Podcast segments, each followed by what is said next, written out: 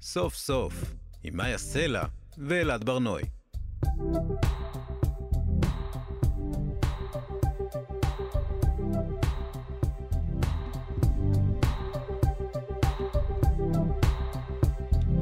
שלום, אנחנו סוף סוף, מגזין סיכום השבוע של כאן תרבות. אתם מאזינים לנו ב-104.9 או ב-105.3 FM. אפשר להאזין לנו גם כהסכת, באתר של כאן, באפליקציה של כאן ובכל יישומוני ההסכתים. איתנו באולפן מפיקת התוכנית טל ניסן, על הביצוע הטכני, יובל יסוד. ואיתי באולפן יובל אביבי, שמחליף היום את אלעד בר-נוי. שלום, יובל. שלום, מאיה. אז אנחנו נדבר היום, יובל, על הפרסומת החדשה של אה, קלווין קליין עם ג'רמי אלן וייט, שמסתבר שהוא הגבר שנחשב להכי חתיך בימים אלה. אנחנו נדבר על מודל הגבריות שהוא מייצג, נדבר על זה עם סער שלו, שהוא חוקר תרבות ומרצה לאופנה. ופשוט נבדוק, יובל, מה חדש אצלכם הגברים, כי אנחנו באמת מזמן לא התעניינו בגברים. אז מאוד, הנה. זה מאוד קשה להיות גבר כשלא מתעניינים בנו כל כך הרבה זמן. אז אנחנו היום נתעניין. אנחנו נדבר גם עם המשורר והתסריטאי עדן אביטבול על שלמה ארצי. אנחנו בשנים האחרונות uh, מחפשים את הצופה לבית ישראל. uh, בספרות, האדם הזה שאליו אנחנו נושאים עיניים, שאת המאמרים שלו אנחנו מחפשים כשקורה לנו אסון או כשאנחנו מבקשים תקווה, שעמוס נכון. עוז החדש שלנו, אבל אולי אנחנו מחפשים אותו במקום הלא נכון. אולי הוא לא בספרות אלא במוזיקה. אולי שלמה ארצי הוא הדבר הזה בשבילנו. אז איך נראית ישראל מהפרספקטיבה של שלמה ארצי, ומה אומרים עליו הדואטים שהוא בוחר לשיר, האחרון שבהם, דואט יפה שלו עם פאר טסי. עוד מעט נדבר על זה, ונדבר בהמשך גם על הקיצוץ במשרד התרבות ועוד דברים, אבל אנחנו מתחילים עם עוד מודל של גבריות, זה כנראה הגורל שלנו Mhm. היום. אנחנו מציינים, מציינים 25 שנים לסופרנוס. נכון. פרק הפיילוט של הסדרה שודר ב-10 בינואר 1999 ב-HBO, והוא הביא לחיינו את הגבר הזה שלא דמיינו שנוכל לאהוב, טוני סופרנו, ששוחק להפליא על ידי ג'יימס גנדולפיני. טוני סופרנו, הבוס של המאפיה בניו ג'רזי, הגבר הגדול, השמן, האכזרי, ומלא הקסם. אה, בסדרה שהפכה בעיני רבים לסדרה הכי טובה אי פעם, אני חושבת. בכל מקרה, תמיד מונים אותה בין חמש הסדרות הכי טובות כשעושים את הרשימות האלה. כמובן שיש אנשים שחייבים להתחכם ולאהוב יותר את הסמויה. בסדר, מי יובל. אלה? מי אלה האנשים בסדר, האלה? יובל, מי אלה? תתחכם. אה, אז מה היה בו בטוני סופרנו ובגבריות החדשה שלו? אה, אני חושבת שהיה שם משהו חדש, אני חושבת שמה שהיה מפתיע בו ומלבב זה שהוא מצד אחד הגבר הקשוח והאכזרי הזה, אבל מצד שני יש לו התקפי חרדה, והוא הולך לטיפול.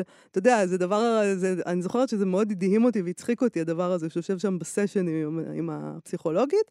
וגם, אה, יפה, שהאמריקאים לא הלכו על איזה בוס מאפיה חתיך, אלא על הטיפוס התאוותן הזה עם הכרס והקרחת והכוחניות, וכמובן שיש פה פשוט את השחקן הענק הזה, גנדולפיני, כן? זה, נכון. האיש הזה מדהים. וזה גם אה, נתן עדנה לאנשים שנראים ככה. זה נהיה סמל מין. זה, זה, זה, הייתה, זה נהייתה אופציה, זאת כן. אפשרות כזאת, כן, כן. אפשר להיות מאוד מאוד סקסי ולהיראות כמוהו. אה, בפ- בפרקים הראשונים, בתחילת הסדרה, טוני סופרנו, בוס המאפיה מניו ג'רזי, רואה איך להקת ברווזי בר, שהוא טיפח בבריכה שלו בבית, עוזבת, והוא חוטף התקף חרדה ונופל, והוא מופנה לפסיכולוגית, שם הכל מתחיל. בואי נשמע קטע קצר.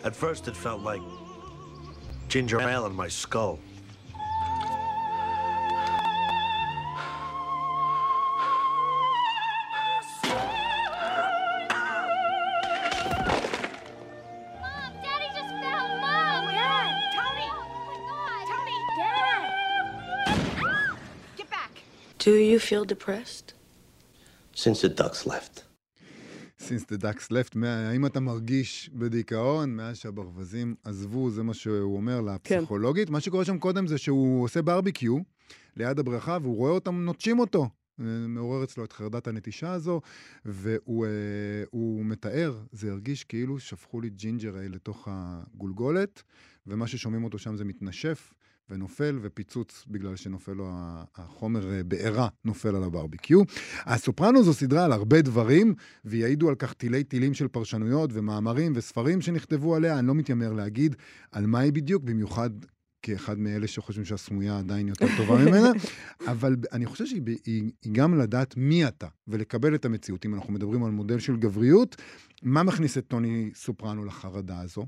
העובדה שהטבע כמנהגו נוהג. המחזוריות שאי אפשר לשלוט בה, הברווזים נודדים, זה הטבע שלהם. הם לא יישארו איתך, טוני, הם ילכו. זה מתדלק את חרדת הנטישה שלו כאמור, אבל זה גם מאמת אותו עם הטבע שלו, עם מי הוא, יש לו טבע, והוא בן אדם אלים מאוד, שעושה דברים איומים ומתמודד עם לחצים פסיכיים שאנשים רגילים כמונו לא מבינים בכלל, והגבר הזה מדחיק את הכל. אבל בעצם הוא מסתיר את הרגישות שלו. ואני חושב שזה גם כן עבור, אה, זה מה שמצא חן בעיני גברים רבים.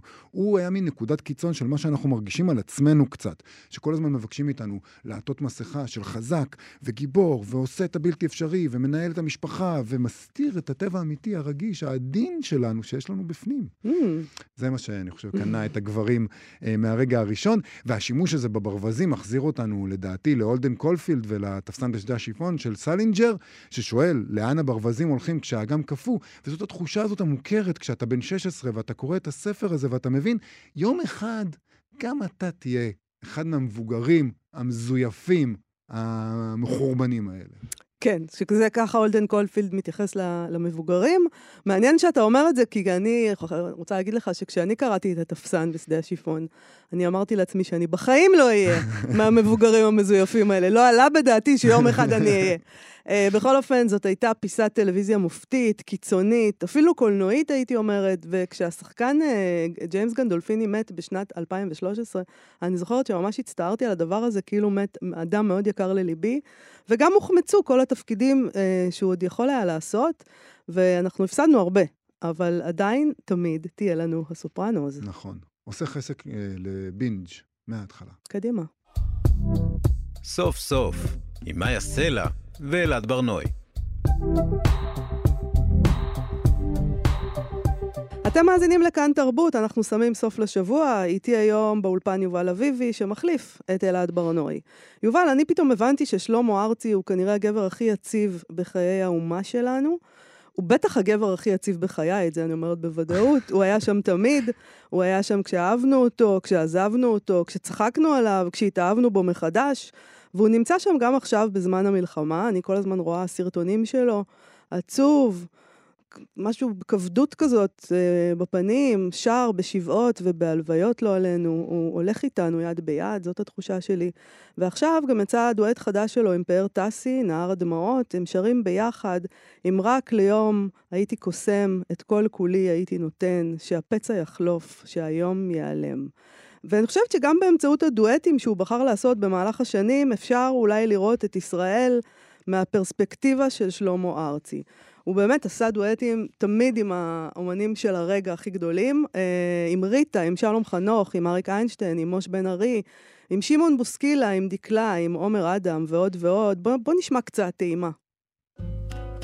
ככה זה כשיש שניים, זה הרבה, זה תמיד פעמיים. לדבר לו זה לא בשמיים, זה מה שגורם לי לבכות. עומדים על שביל חיים, חוזרים הביתה.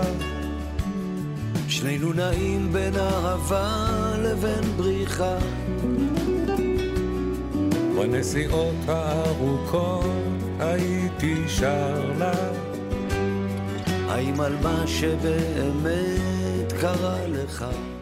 החיים לא יספיקו להבין מה הולך בנשמה שלנו לא הפסקתי לחפש אותך, לחפש אותנו.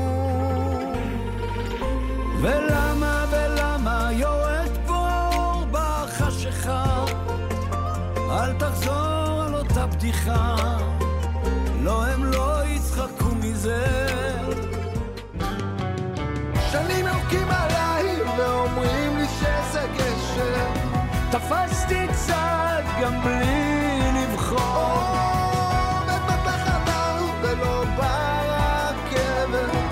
משהו חייב לקרות, חייב לקרות עדן הביטבול הוא משורר והוא תסריטאי, והוא גם מעריץ של שלמה ארצי. אז אנחנו רוצים לדבר איתו על זה. שלום עדן הביטבול. שלום איה. אהלן. אה, אנחנו, יובל ואני, מבקשים להציע את שלמה ארצי כ- כדמות של הצופה לבית ישראל, האומן שמלווה אותנו בנאמנות יותר מכולם. אתה מסכים להצעה הזאת? אה, כן, אין לי ברירה אלא להסכים, זאת עובדה. זאת עובדה. זאת עובדה. אוקיי, אז למה דווקא הוא? אה, למה דווקא הוא? תראי, זו שאלה ש... שמעסיקה, אני מאמין, הרבה, ומעסיקה אותי באופן אישי בתור מי ש... את קראת לזה מעריץ, אבל זה קצת כאילו, זו הגדרה קצת כאילו אה, פשוטה מדי, ב, נגיד ביחס שלי אליו. אוקיי. כי אני עוד, כאילו, אני כמובן אה, כמוך, וכמו, אני מאמין רבים שגם כאילו גדלתי עליו, והוא כזה פסקול אה, תמידי כזה, אבל אה, מתישהו גם... Uh, בבגרות שלי, כשהתחלתי לכתוב, אז הוא גם השפיע עליי בתור אדם כותב. אז כאילו יש לי שם uh, גם, לצד ההערצה ולצד האהבה הגדולה של השירים שלו, אני גם ממש כאילו רואה בו uh, uh, גורם שהשפיע עליי, כאילו כאדם יוצר, כאדם כותב. Uh, עכשיו, בקשר לשאלה שלך, כאילו, למה זה, כאילו, למה זה, איך זה קרה, אני, אני, אני חייב להגיד שזו תעלומה, כאילו, אני לא, אני לא, באמת, כאילו, אין לי באמת תשובה על זה, ואני עוסק בשאלה הזאת הרבה, אבל... Uh, זה ממש אה, כאילו, דעת, אצלנו אומרים סייעתא דשמיא, זה כאילו מתנת, אה, מתנת שמיים. כן. כי אתה יודע, הוא, אה, הוא לא מייצג בדיוק בדיוק במוזיקה שלו את, מה, את הטעם הישראלי העכשווי. הוא שארית כזאת של אה, להקות צבאיות, של, אה, של רוק אולי אפילו באיזושהי תקופה. זאת אומרת, זה דברים שאנחנו קצת אה, זנחנו. אה, נכון, והוא באמת, הוא באמת עושה את ה... הוא באמת עושה את ההתאמות האלה כל הזמן, אפרופו הדואט הזה ש... של... שלו עם פרטסי. עכשיו, הרבה, אני מאמין שיש הרבה שידרשו את זה לגנאי, כאילו שהוא כזה מנסה להתאים את עצמו כל הזמן, ופעם קראתי איפשהו שהוא כאילו אה, המומחה הכי גדול בלדפוק על אבטיחים, כאילו הוא יודע איפה ה... הגדרה יפה. כן, הוא יודע איפה הדבר עכשיו, והוא כאילו מתאים את עצמו, ואני דווקא דורש את זה לשבח. כן. תגידו שאני מעריץ, אבל סבבה. כאילו, אני רואה בזה דווקא... כאילו בעיניי תרבות, אה, תרבות מושלמת זה, זה איזון מושלם בין, אה, בין, אה, בין פופולריות לבין תחכום, כאילו, כן, ואצלו המיזוג הזה הוא, הוא ספץ. אז זה בעצם, זה הפענוח שלך לעניין הזה של הדואטים, כי אני חושבת שהוא עשה דואטים יותר מכל אומן אחר. כל הזמן יש לו דואטים. אה, עם האומנים הכי גדולים והכי הדבר הזה שקורה עכשיו, לאו דווקא כאלה שהיינו מצפים. כלומר, אנחנו כבר רגילים לזה משלמה ארצי, אבל בהתחלה נגיד, כשהיה את השיתוף פעולה שלו עם שמעון בוסקילה, זה היה קצת מוזר, נכון? מה, שלמה ארצי ושמעון בוסקילה, מה זה קשור? היום אנחנו כן, כבר כן. יודעים שהוא הולך לשם. אבל ש... אולי זה הדבר הזה שהוא, הוא- האוזניים שלו פתוחות לדבר הזה. נכון, אבל מי שגם קצת מעמיק בביוגרפיה שלו, אה, יכול לגלות, אה, חוץ מאזכורים בשירים, למשל תחת שמי ים תיכון, יש לו שם אה, חצי עולם כבר שר במזרחית, כאילו הוא זיהה דברים בשלב מאוד מוקדם. נכון. ואני יכול לספר, אבא שלי הוא יליד בית שאן, שלמה ארצי בשנות ה-70 היה פעם בשבוע מגיע לבית שאן לאיזה מועדונית נוער שם, כלומר הוא פגש כל הזמן את ה- מה שהיום נקרא נגיד ישראל השנייה, כן. אמ, ולא, ו, ואני- ולא, כאילו בפרשנות שלי, לא, לא מעמדה מתנשא, אלא דווקא ממקום כזה שמבין ששם, אה, ששם קורה הרבה. זאת אומרת, יש בו איזה, סליחה, יש בו איזה משהו שצולח מעל העדתיות, ואנחנו אנחנו נמצאים באיזה רגע שבו יש איזה, כבר הרבה שנים אומרים את זה, שיש איזה העברת אה, שלטון תרבותית, נכון? והוא מצליח איכשהו לצלוח את זה. כן, זה מדהים, אתה כאילו נמצא בהופעה שלו, בהופעות הכי גדולות, בקיסריה, בריכת הסולטן, אתה רואה בקהל אה, אנשים, אה, כאילו קהל מאוד מגוון, אתה יודע, דודות מ... לא יודע מה, מקריית יובל, שרות, יש לנו ארץ למה עוד אחת. כאילו זה, זה הזיה, כן, אם כן. אתה חושב על זה, אבל נכון. כאילו, וזה קורה, וזה קורה, וזה קורה כל פעם מחדש, אה, אה, בעשרות הופעות כל קיץ. זה מטורף. אתה יודע, אתה מתאר את זה שהוא הולך, אה, הוא הולך לישראל השנייה, אה, וזה, אתה אומר את זה, זה קצת כמו לדעת לדפוק על האבטיח במקום הנכון, כמו שקראת לזה. היכולת הזאת אה, להזדהות, יש בזה, זה- הוא מגיע ממקום של אותנטיות, הוא לא דופק על האבטיח כי הוא רוצה. כי הוא רוצה אה, לדפוק את הקונה. הוא דופק על האבטיח כי הוא רוצה למצוא את האבטיח הכי טוב. לגמרי, לגמרי, לגמרי. כאילו הוא עושה את זה, ב... אמרתי את זה כאילו קודם, לא, זה לא מעמדה של, אה, שלמה ארצי הסמל הישראלי הלבן, אלא להפך, אני חושב שזה דווקא בא ממקום אה, אצלו אה, מאוד, מאוד, מאוד מאוד אמיתי, מאוד כן, מאוד גובה העיניים. אני חושבת שזה מאוד מעניין, כי בקלות בעצם הוא היה יכול להפוך להיות האדם הזה שדווקא המזרחים, במאבק המזרחי, לא, יסלדו ממנו. כי הוא מאוד אשכנזי, מה זאת אומרת? והוא אשכנזי, תל אביבי, הם, כאילו, מה, אמנם ההורים ניצולי שואה, אז אתה יודע, אפשר, אפשר לדבר על הדברים האלה, אבל uh, זה צפון תל אביב, להקות צבאיות, כל מה שהם היו אומרים, privilege, privilege. כן, כן. ואת אומרת שזה לא קרה, כאילו. ואיכשהו זה, לא, זה לא, לא קרה, כזה. זה מוזר. זה מוזר מאוד. בסביבות אה, שנת 2000 כזה, אה, הוא עשה את האלבום שלו, אהבתיהם, שזה מין כזה חידוש של שירים אה, שהוא הקליט בעבר, ויש שם איזה גם גרסה לגבר הולך לאיבוד עם מיכה שטרית וקובי עוז, זה אלבום כזה מעניין. ואז בזמנו, אם אני לא טועה, רון כחלילי ליווה אותו ועשה איזה שלושה סרטים כזה על ה... סביב צאת האלבום, והוא ממש נוגע בשאלה הזאת, כאילו הוא עומד מחוץ להופעה שלו ופוגש אנשים, אה, מזרחיים במובהק, שאומרים לו, אנחנו כאילו באוטו שומעים עופר לוי, אבל אנחנו באים לראות את שלמה ארצי, וכאילו זה... אתה יודע, זה הסימן השאלה הזה מהדהד גם שם, וגם בשיחה שלנו, וגם אצלי, אבל זה, זה פשוט קרה. אתה יודע, אנחנו התחלנו עם ההכרזה עליו כצופה לבית ישראל. כאילו, אנחנו מצפים ממנו שהוא יהיה איזה מצפן. הוא יגיד לנו מה אנחנו מרגישים, הוא יגלם כן. אותנו. ובאמת, מה שאתה מתאר עכשיו זה שהוא מגלם איזה אה, אחדות. אחדות שאנחנו מאוד מייחלים לה, ואנחנו לא מצליחים לה בחיי היום-יום. אנחנו מרגישים אותה יותר בשלושת החודשים האחרונים כמובן, אבל העם הישראלי לא כל כך מצליח להרגיש את האחדות הזאת. הוא באמת יכול למלא את התפקיד הזה בעיניך של הצופה לבית ישראל, להגיד לנו איך אנחנו צריכים לנהוג, מי אנחנו, מה הערכים שלנו? כן, כן, בטח. אתה יודע, כשהוא אה, אה, סירב לקבל את פרס ישראל, ממש אה, האחרונה, אז כאילו, תראה, הוא מאוד נזהר, אתם כאילו בטח יודעים, הוא מאוד נזהר כל הזמן מלעשות אה, אה, מהלכים שיסמנו אותו נגיד כ, כשמאל או כימין, הוא כזה מאוד אה, נהנה ממנעמי המיינסטרים. אה, שוב, אני גם, אני דורש את זה לשבח, לא לגנאי, אבל פתאום היה איזה רגע, אתה יודע, הוא סירב לקבל את פרס ישראל, והייתה לי שיחה עם איזה חבר אה, דווקא מהאזור הימני של המפה, שאמר לי, תשמע, זה כאילו היה רגע שבו הבנתי שמשהו לא בסדר, לא בגלל כאילו האקט שיכול היה להתפרש כאקט אה, שמתנגד נגיד לממשלה, אלא על מצב העם, כאילו, אני לא יכול לקבל את פרט ישראל כשהעם שלי במצב כזה קרוע. זאת אומרת, אם שלמה ארצי עושה את זה, סימן שמשהו ממש לא תקין במדינה. בדיוק, בדיוק. מדהים, האמת שזה ממש מדהים. מדהים. פנטסטי. אה, טוב, אז אה, הנה, אנחנו מציעים לו את התפקיד. אנחנו מחכים שירים טלפון ויסכים. תראי, אמרתי בהתחלה שזה, אה, הוא השפיע עליי כאילו כאדם כותב וזה, לא הרבה יודעים, אבל בשנת, אפרופו סליחה על התרבות הפופולרית של שלמה ארצי, בשנת 1980 שלמה ארצי מוציא ספר שירה, לא הרבה יודעים את זה, mm. שנקרא מילים מתחברות לאיש, והוא יצא בכנרת זמור הביטן. ואני רוצה להקריא שיר קצרצר מתוכו, אם אפשר. אוקיי. Okay. בבקשה. השיר נקרא על הבמה. הוא כותב, בכל פעם שאני בוכה על הבמה זה סבא שלי. בשורה שלוש, ספסל ריק, אלתרמן מציב בכרכים, נתן זך עובר ליד הקפה ביום שישי, אני אוסף שמועות על ביאליק, אבל סבא שלי בשורה שלוש, אני בוכה. איזה יופי. עדן הביטבול, שלמה ארצי, תודה. תודה רבה לך על השיחה הזאת. תודה לכם. להתראות. סוף סוף, עם מאיה סלע ואלעד ברנועי.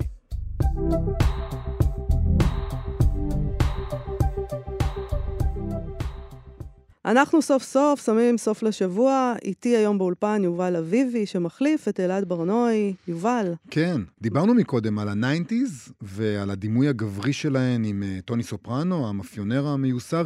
מי שיסתכל השבוע בפרסומות, גם קצת חזר לשנות התשעים, לפרסומות האלה של קלווין קליין וליווייס עם הגבר הנוגה מבט שלא מוצא את עצמו, אבל מצד שני הוא ממש ממש אוהב ללכת בלי חולצה, ויש לו איזה 20 אלף ריבועים בבטן. כאילו השלמנו סיבוב של 360 מעלות, חזרנו לגבר הזה ב-2024, זה כמובן קרה עם הפרסומת המדוברת לתחתונים של קלווין קליין, בכיכובו של הגבר האולטימטיבי, אולטימטיבי של הרגע, ג'רמי אלן וייט, שמגלם את השף הכוכב כרמי בהדוב.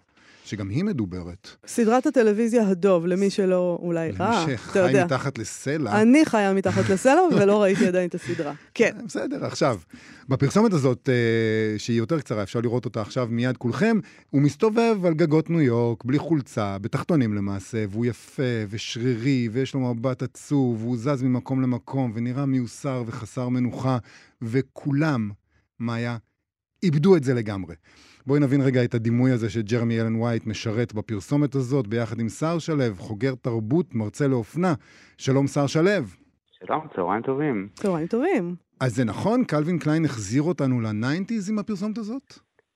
קלווין קליין מעולם נראה לי לא עזב את הניינטיז. חבל שאנחנו נאלצנו לעזוב, כי היה כיף בניינטיז, לא? אז זהו, נראה לי שהוא מחזיר את זה בדיוק מאותן סיבות, כי היה כיף. אז- ואפשר לראות אה, גברים אה, עם מבט מיוסר, אבל עם אה, ריבועים בבטן. אה, לדמיין שזה אנחנו, כי- כי מי שראה את הפרסומת זה גם אה, ג'רמי ווייט כאילו עולה במדרגות לאיזה גג ומתאמן על הגג כאילו במין איזה חצי ג'ים אה, ציבורי כזה. הכי נראה כמו משהו אה, בר השגה. ועם המבט המיוסר הזה שלו, וכמובן כל ההילה של אה, הדוב מהעונה האחרונה, זה הופך את זה למשהו מצד אחד כזה סופר סקסי, שנשים, גייז וגם גברים סטרייטים יכולים אה, אה, להסתכל עליו אה, אה, ולהזיב ריר, ריר, וגם בעצם, אה, וגם בעצם לחשוב שאנחנו יכולים להיות כאלה, אם רק נרצה. אבל זה לא נראה לך כמו, כלומר, אני חייבת להגיד, אולי בגלל שאני מהניינטיז, סליחה, סליחה, אבל זה היה נראה לי כמו פרודיה פשוט. אתה לא הרגשת שאתה מסתכל על פרודיה על משהו? עלינו כאילו? את יודעת, החיים שלנו פרודיה בכל יום מחדש. במקרה הטוב, כן. כן, בדיוק. אה, וכן, יש בזה איזה סוג של פרודיה, אבל הפרודיה עובדת כנראה בכל, ה... בכל המישורים שלה. אני קראתי שאנשים אה, אה, בניו יורק, יש אה, בילבורדים ענקיים של אה, ג'רמי ווייט, כמובן בתחתונים ובלי חולצה וכולי, ואנשים, אה, יש אה, כאילו אה, ז'אנר שלם בטיקטוק של אה, מצלמים את הבילבורד הזה, ואנשים עוברים ואומרים מה הם חושבים עליו, והפכו אותו ל... אה, אה, אה, הם קראו לזה city landmark. אה, אתר מורשת עירוני. התחת של ג'רמי ווייט. אתה יודע, אבל זה מאוד מאוד תואם את הגבריות, נגיד, של כרמי בהדוב. משהו שיש בו משהו מאוד כוחני, מאוד גברי, אפילו אלים לפעמים. כל הגוף הזה, השרירים, למה הוא נועד לעשות? ומצד שני, המיוסרות הזאת, הייסורים והסבל והרגישות, וזה נכון. גם, זה גם נכון לגבי הדמות שהוא מגלם בסרט המתאבקים עכשיו, קרי ונרי, נכון. גם כן יפה וחזק ומתאבק, אבל מיוסר, עם בעיות, ומכור לסמים, ו- ו- ו- וכל הקשיים שאנחנו יודעים עליהם. שביר מאוד. אז מה זה מלמד זה אותנו על ה... זה אולי הטוויסט בדיוק שהוא כבר לא 90's, כאילו כן. פתאום אפשר להראות גבר שהוא קצת עם עיניים של כלב אה, רחוב שאימצנו לפני שנייה. אה, אז זו ו- הגבריות שאנחנו רוצים ב-2024? זה מה שאנחנו מחפשים? אני חושב ש...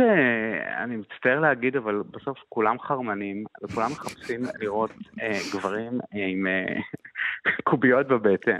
אה, זה שיש לו פרצוף מיוסר, וזה שיש כאן איזו אלימות עצורה וכולי, אולי יש איזה, זה מוסיף עוד איזה נדבך קטן לעניין, אבל בסוף אני חושב שאנחנו חיים באיזה עידן של אה, חרמנות גוברת, והעולם, אה, בין אם אתה בישראל אה, מחכה לחדשות כל שעה, ובין אם אתה בארצות הברית ופוחד מטראמפ. בסוף כולם רוצים לראות אנשים יפים, חטובים וכאלה שאולי יהיו איתך במיטה בלילה. קיצור, זה לא כזה מסובך, אתה אומר. זה הדברים הבסיסיים לא בחיים. כן. יש שף. כן. יפה כן. מאוד, אז זה טוב שיש. Uh, אני רוצה לדבר על הבחירה בשיר שמלווה את הפרסומת הזאת, אבל. בואו נשמע אותו קצת רגע. שיר מעולה.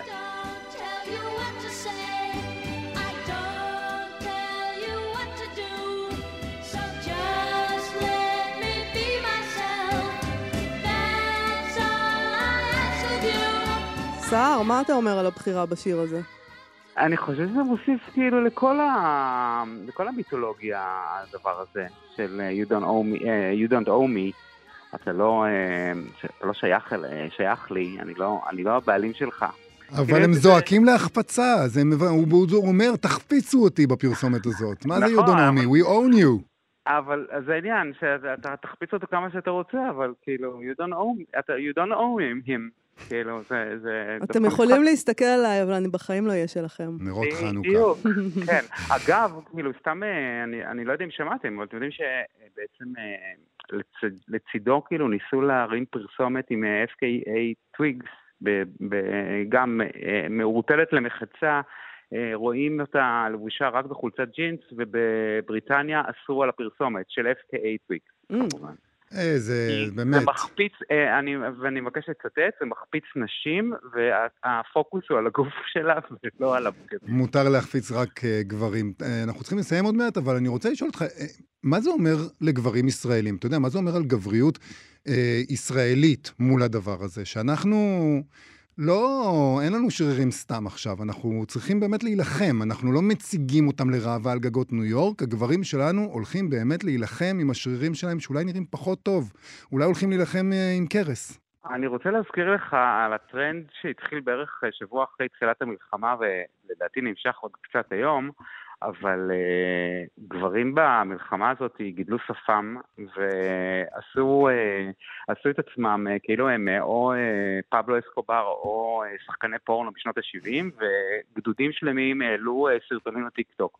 אני במקרה כתב, אני לא, אני לא אחשוף את, את שם המוסד, אבל כתבתי על זה אה, איזה כתבה לאיזה עיתון שהכתבה נגנזה כי ראיינתי כמה וכמה אנשים, ביניהם חוקרת מגדר באוניברסיטה ומישהו שהוא מומחה יותר לתרבות פופולרית בטיקטוק, וכולם אמרו, יש חרמנות מלחמה.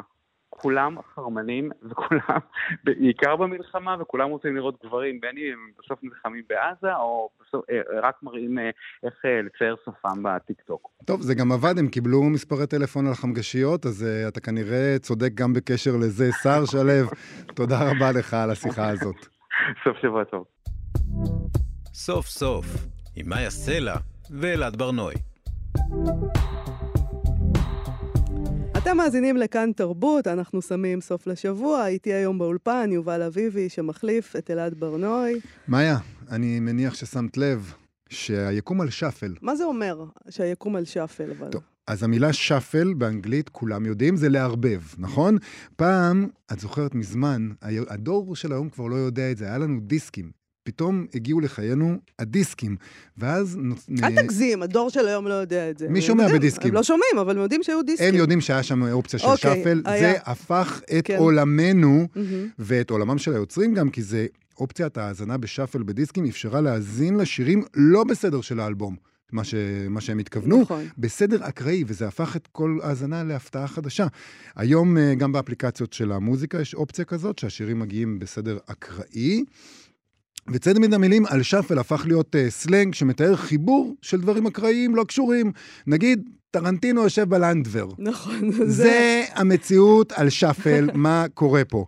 מישהו חיבר לך, מישהו שם לך אחרי הביטלס את uh, זורגוב, כאילו, אוקיי. מה קורה?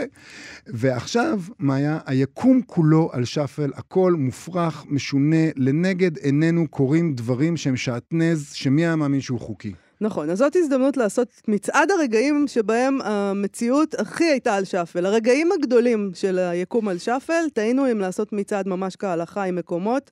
אתה יודע, שיהיה המקום הראשון והמקום החמישי, אבל לנוכח הנושא, אני לא יודעת, זה יכול להיות מצעד על shuffle. בדיוק. אוקיי, תבחרו בסדר אקראי, אתם על shuffle. בדיוק. מקום חמישי עומד בית הדין בהאג, שהציג סרטון של הזמר קובי פרץ שר בפני חיילים, שישרף לכם הכפר, שישרפו העזתים. קובי פרץ, בבית הדין, בהאג. כן. ואם זה לא מספיק, אז תגובת קובי פרץ לבית הדין בהאג, שזה גם כן, מה אתה מגיב לבית הדין בהאג? הוא אמר, גם אותם צריכים להשמיד. את האג. נכון. כן? נכון. אה, אוקיי, נכניס אה, למצעד שלנו למקום הרביעי את זה שהמאבטח של טיילור סוויפט נלחם בעזה. shuffle. מציאות על shuffle. ובמקום השלישי, נשיא ארצות הברית הגדולה, ג'ו ביידן, נפגש עם רחל מאופקים. זה דבר מדהים. כן. זה לא האמנו שזה יכול לקרות. במקום השני יש לנו את אמיר חצרו, חצרוני. השמאלן הפרובוקטור נהיה ימני פרובוקטור. ולקינוח, במקום הראשון שלנו, אילון מאסק, שביקר בישראל ועשה סלפי עם ניסים ואטורי. זה דבר מדהים, וזה רק על קצה המזלג מהשאפל של השבועות האחרונים. סוף סוף, עם מאיה סלע ואלעד ברנועי. אנחנו ממשיכים, יובל, עם uh, קיצוצים. השבוע הסתבר שמשרד התרבות נדרש לקיצוצים ניכרים בת... בתקציב, והם יקצצו באופן ניכר בתקציב הספריות הציבוריות. גואל פינטו שלנו דיבר בגם כן תרבות עם הסופר חיים באר, שהיה לו הסבר לשאלה למה, למה הם עושים את זה ככה. אני עבדתי בהוצאת עם עובד, בהוצאת ספרים, שגם היא הייתה תמיד מהנפגעות של חוקים כאלה ותקנות כאלה, ואז המנהל אליעז- אליעזר פרי אמר, שאני זוכר את זה כאיש צעיר מאוד, שאדם אה, נוסע באונייה והאונייה מחשבת להישבר, יש סערה וצריכים לזרוק דברים, ועל יהודי אחד שהדבר הראשון שהוא זורק זה התפילין. מהספינה כדי להקל על, ה- על זה. זה נראה לי ממש אה, זריקת התפילין מהאונייה, אה, מה, ש, מה- שהממשלה או אה, השלטונות עושים עכשיו עם חוק הספריות. זה זריקת התפילין. אם תשאל אותי למה, אז פה אני כבר אהיה פוליטי. ואני מרשה לי לעצמי להגיד שהשלטון רוצה בורים ועמי ארצות, כדי שהם ימשיכו להצביע בעדו, כדי שהם הם, הם יהיו, הם, הם יהיו מספיק מטומטמים כדי להמשיך להצביע בעד, אה, בעד השלטון. וואו, דברים חמורים. זריקת התפילין זה מהאונייה. דימוי קשה, אה? מאוד. זה דימוי, ש... את יודעת, קודם כל, אני חושב שהוא ב- הוא בואי של מילים. הוא בוחר את זה בקפידה. הוא יודע בדיוק אל מי הוא מדבר. אלה אנשים שאומרים, אנחנו מקדמים את התרבות היהודית. הוא אומר, לא, אתם זורקים את התפילין, שזה דימוי, ש- ואתם זורקים אותו ראשון. זה, רק חיכיתם לרגע שתוכלו להיפטר מהתפילין. נכון. Uh, תשמע, חיים באר עומד uh, השבוע במרכז סערה מאוד מאוד גדולה. נכון. Uh, לא בפעם הראשונה, עם ה, מול, ה, מול החברה שלו בעצם, הציונות הדתית, שהוא בשר מבשרה. כן. Uh, ועוד פעם uh, הוא התבטא ואמר uh, שהם סרטן בגוף האומה או משהו מן הסוג הזה, והתנצל. הוא- הוא כבר התנצל על זה פעם, כן. אולי כדאי פשוט להפסיק לדבר ככה. בכל מקרה, אה, עמית סגל, קראתי, הוא אמר שכבר לפני ארבע שנים, בסערה הקודמת בעניין הזה, אה, הוא הוציא את הספרים של חיים באר מהבית. שזה, אז אנחנו... שזה באמת, אם עמית סגל הוציא את הספרים שלו מהבית, הוא אמר חוץ מספר אחד, שפשוט הוא קיבל אותו במתנה מאשתו. ואהבתי את זה, כי זה, הבנתי. הנה, אתה רואה, זה דבר מאוזן. אתה בסדר, אז אתה מוציא את הספרים של חיים באר מהבית, אבל זה לא כזה גורף. אחד אתה יכול להשאיר כי יש שם הקדשה מאשתך. אתה פשוט. אה, אה, אה, זה טיפ של אלופים, אתה יכול לקרוע את הדף הראשון עם ההקדשה, ואז כבר אפשר... לא, אה, אם זה מאשתך אתה לא יכול. סוף סוף, עם מאיה סלע ואלעד ברנועי. ולסיום נספר לכם שהשחקן יניב ביטון התראיין, בהסכת מרחב מוגן שמגיש ועורך אלעד ברנועי. הוא דיבר שם על כל מיני דברים, בין השאר, הוא, אה, קטע מאוד מאוד יפה בעיניי, הוא דיבר על היחס שלו לעוינות כלפינו בעולם, של אה, כל מיני מפורסמים בהוליווד והאוניברסיטאות וכולי, אנחנו חווים את זה על בשרנו. בואו נשמע מה העמדה שלו על זה. אני גם באמת, אה, אני חייב להגיד שהאובססיה הזאת של דעת הקהל הבינלאומית קצת מדלגת עליי במקרה הזה. אולי בעבר היה אכפת לי מזה יותר.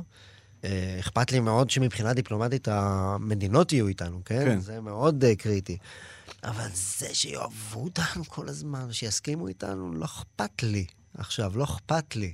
באמת, לא מתעסק בזה. אם אנחנו בטוחים בצדקת דרכנו, אנחנו בטוחים שזה מה שצריך לעשות. אז זה מה שצריך לעשות, כאילו הם נחשפים לאינפורמציה אחרת שלא נחשפים אליה פה, וזה... יש את כל התסבוכים האלה שברור שהזדהות עם החלש יותר בסכסוך, שזה הפלסטינים. הם לא עברו את השבעה באוקטובר בעוצמה שאנחנו עברנו, ולא מעניין אותי עכשיו מה כוכב הוליוודי מסריח חושב כאילו על הסכסוך, שלא יאהב אותנו, מה אכפת לי? אנשים מתעסקים בזה, מראים את זה, זה, לא מעניין אותי. איזה חמוד הוא, אני מת עליו. כן. ואת יודעת משהו? יש משהו נורא מנחם בזה. הוא אומר, תפסיקו. כל הזמן אתם מתרגשים, יל, הרווארד, השחקן הזה בעדנו, הכדורגלן הזה נגדנו. והוא אומר, תפסיקו. המדינות בעדנו, זה מה שחשוב, אנחנו בטוחים בצדקת דרכנו, הם יש להם את הפרספקטיבה שלהם, זה בסדר, שידברו. אז יש בזה משהו מרגיע. בכל השעה הזאת עם יניב ביטון במרחב, בהסכת מרחב מוגן, היה משהו מאוד מנחם. נכון, נכון? נכון. היה משהו בבן אדם הזה.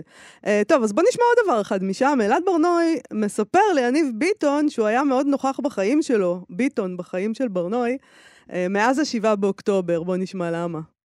אתה היית מאוד נוכח בחיים שלי ב- מהשבעה באוקטובר, ואני אגיד לך למה. כי uh, כל פעם, uh, מלא אנשים מאחלים עכשיו uh, שנדע ימים טובים יותר, ושיהיה טוב, ולכולם אני עונה, אמן, אמן. שזה חוצה, גיליתי שזה חוצה עדות גם, כאילו, לכולם יש... באמת? כן? כן, הייתי בטוח שזה משהו מזרחי כזה. אני כאילו. לגמרי חשבתי. לא, מה פתאום, אנשים אמרו לי, כאילו, זה בול אמא שלי, בול סבתא שלי. אני מבחינתי זה היה אה, דודה שלי, סבתא שלי, אימא שלי, כולם ביחד. מהשנייה שזה התחיל, המערכון הזה בארץ נהדרת, זה פשוט היה, אה, אוקיי. כאילו, כלומר, כן, אני מבין לגמרי במה מדובר, אבל כן, זה נהיה מאוד שימושי, פשוט להגיד אמן, אמן על כל דבר. מאוד, אז זה גם כאילו, אה, איכשהו זה נוצר, אמרתי לך שעשיתי הרבה סרטונים כאילו בשביל, ה...